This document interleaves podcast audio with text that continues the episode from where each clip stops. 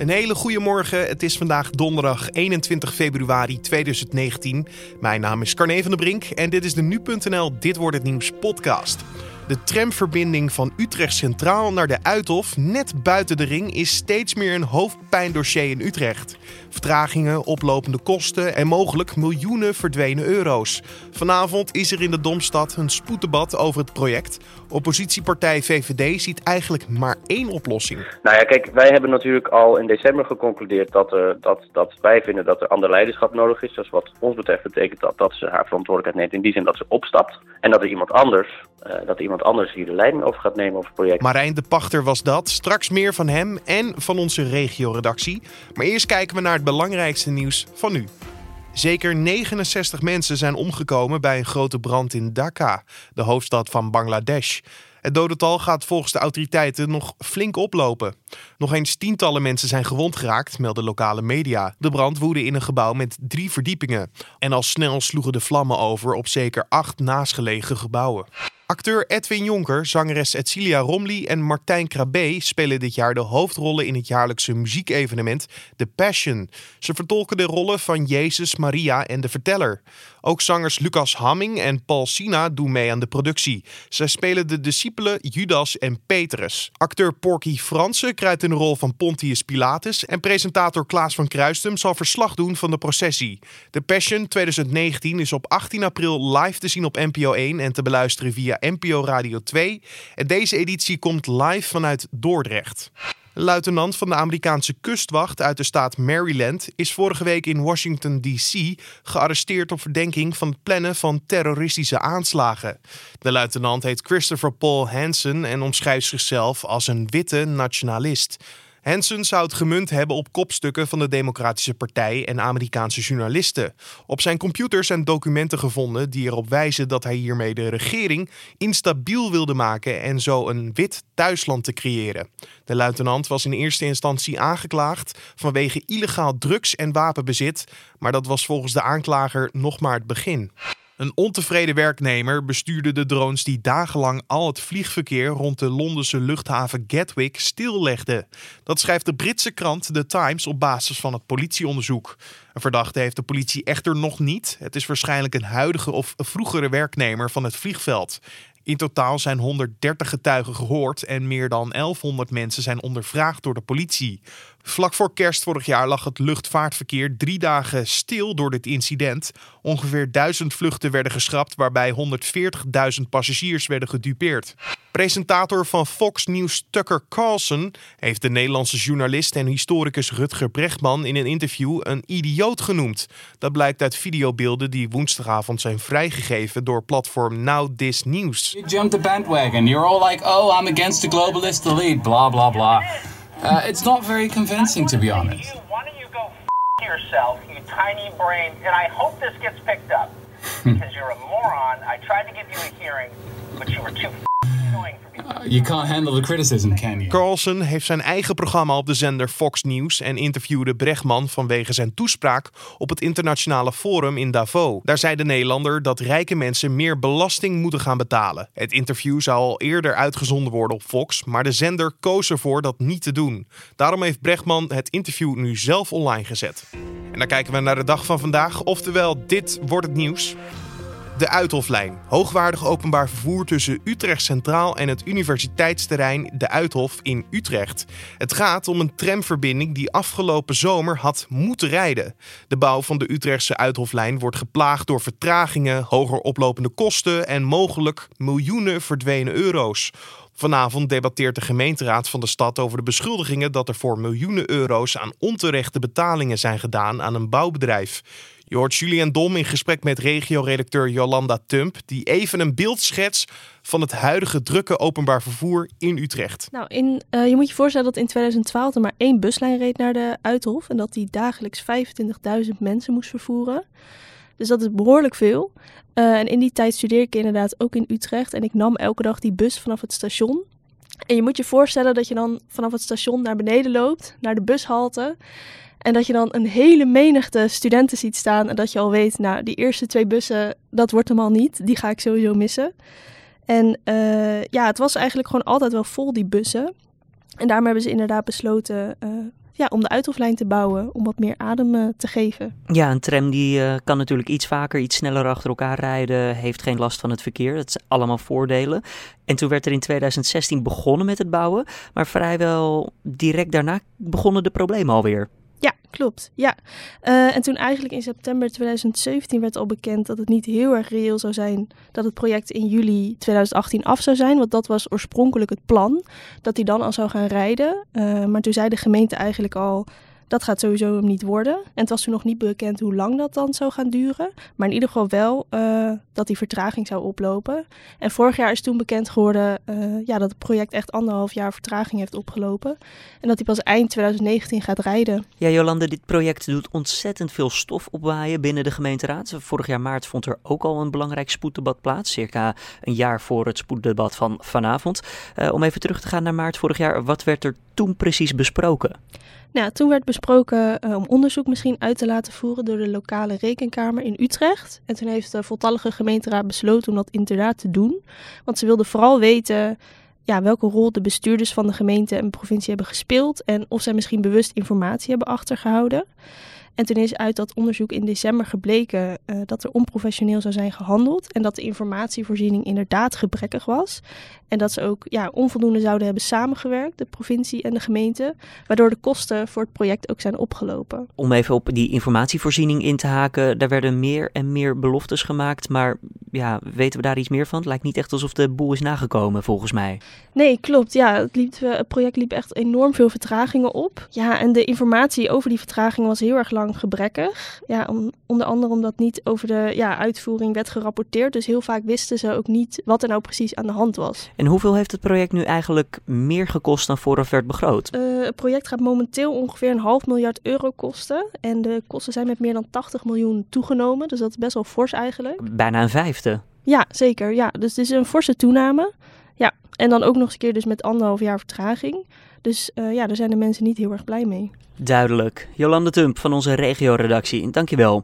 De Uitoflijn dus. Hij had al in juli 2018 moeten rijden, maar nog altijd wordt er niet gereden. En nu het AD ook nog eens dus heeft geschreven dat er mogelijk miljoenen euro's onterecht zijn overgemaakt, is er voldoende reden voor het volgende spoeddebat. Aangevraagd door alle oppositiepartijen in Utrecht. Aan de telefoon Marijn de Pachter van de Utrechtse VVD, tegenwoordig ook oppositiepartij.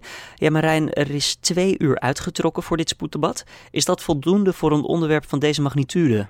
Dat is de vraag. We hebben natuurlijk al heel veel gedebatteerd hierover. In december vooral. In december hebben we, nou, ik denk in totaal wel een uurtje of 20, 25 gedebatteerd met elkaar. En nu is het weer zover. Dus we gaan kijken of het genoeg is. Ja, en dan even kort naar het artikel van het AD. Eind januari kwam dat naar buiten over de mogelijk te veel betaalde miljoenen aan de aannemer. Om even terug in de tijd te gaan, had u enig idee dat dit speelde toen u het las? Nee, het kwam wel als een verrassing en daarom hebben we ook zo snel mogelijk uh, vragen gesteld om uh, de reactie van de wethouder te krijgen hierop. Uh, en dat hebben we ook binnen een week gekregen, dus daar was ik wel blij mee. Dat we in ieder geval heel snel duidelijkheid hadden over waar deze bedragen vandaan kwamen en hoe ze verantwoord konden worden. Ja, want als we naar het antwoord gaan van de wethouder, dat was echt een enorme papierwinkel, als ik dat zo mag, mag zeggen.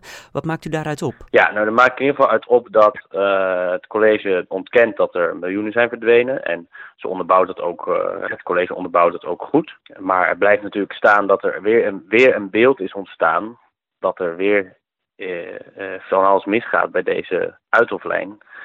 en ja, niemand in Utrecht snapt nog hoe dit, uh, hoe dit project uh, geleid wordt. Wat weet u er op dit moment nog van? Kunt u er nog enigszins uh, ja, iets van opmaken? Ja, nou ja, ik, ik, ik, ik lees inderdaad een hele hoop stukken om er nog goed van op de hoogte te zijn. En loop, loop al een tijdje mee, dus dan heb je allerlei stukken gezien, stukken gelezen. dus voor mij is het nog enigszins begrijpelijk, maar zelfs voor raadsleden is het af en toe echt uh, niet meer te bij te benen hoeveel informatie we hebben. Soms ontbreekt er ook nog wel eens een stukje informatie over deze belangrijke uh, zaak, toch? Ja, ja daar, daarom hebben we in december ook een debat gehad en er is er een motie van wantrouwen ingediend die wij ook hebben gesteund tegen de wethouder. Dat was eigenlijk de aanleiding inderdaad dat in het verleden informatie niet goed is gedeeld. Maar blijkbaar is die informatievoorziening nog altijd niet volledig verbeterd. Want de wethouder zelf die had ook nog altijd niet alles op papier om de, vragen, de nodige vragen zo duidelijk mogelijk te kunnen beantwoorden voor jullie als oppositiepartijen, toch? Nou, dat is ook een van mijn vragen. waarom het nou weer niet vanzelf is gekomen, zeg maar, de informatie. Ik heb een beetje het gevoel dat we als raad niet in control zijn. En dat inderdaad deze informatie over deze uh, betalingen aan BAM uh, en uh, ook dat er op hoofdlijnen een akkoord is met BAM, dat is openbaar bekendgemaakt op 8 januari. En ja, terwijl we in december al een debat hebben gehad daarover en toen is er helemaal niks over gezegd. Welke vraag moet, als, als u er één vraag mag kiezen, welke moet expliciet worden beantwoord? Ja, nee, waarom heeft ze ons niet eerder geïnformeerd? Waarom heeft ze ons niet. Uh, en, en, had ze dit kunnen voorkomen?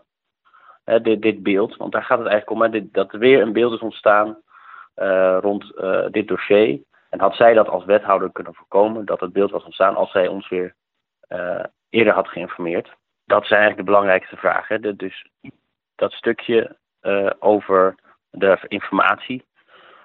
en dat wij als raad in controle moeten zijn. Ik wil ook dat de wethouder dat erkent dat dat er weer dat zij dat de raad meer in controle moet zijn. En dat ze daar ook verantwoordelijkheid voor neemt. Dat ze daar verantwoordelijkheid voor neemt? Waar doelt u dan precies op? Nou ja, kijk, wij hebben natuurlijk al in december geconcludeerd dat, er, dat, dat wij vinden dat er ander leiderschap nodig is. Dus wat ons betreft betekent dat dat ze haar verantwoordelijkheid neemt in die zin dat ze opstapt. Ja.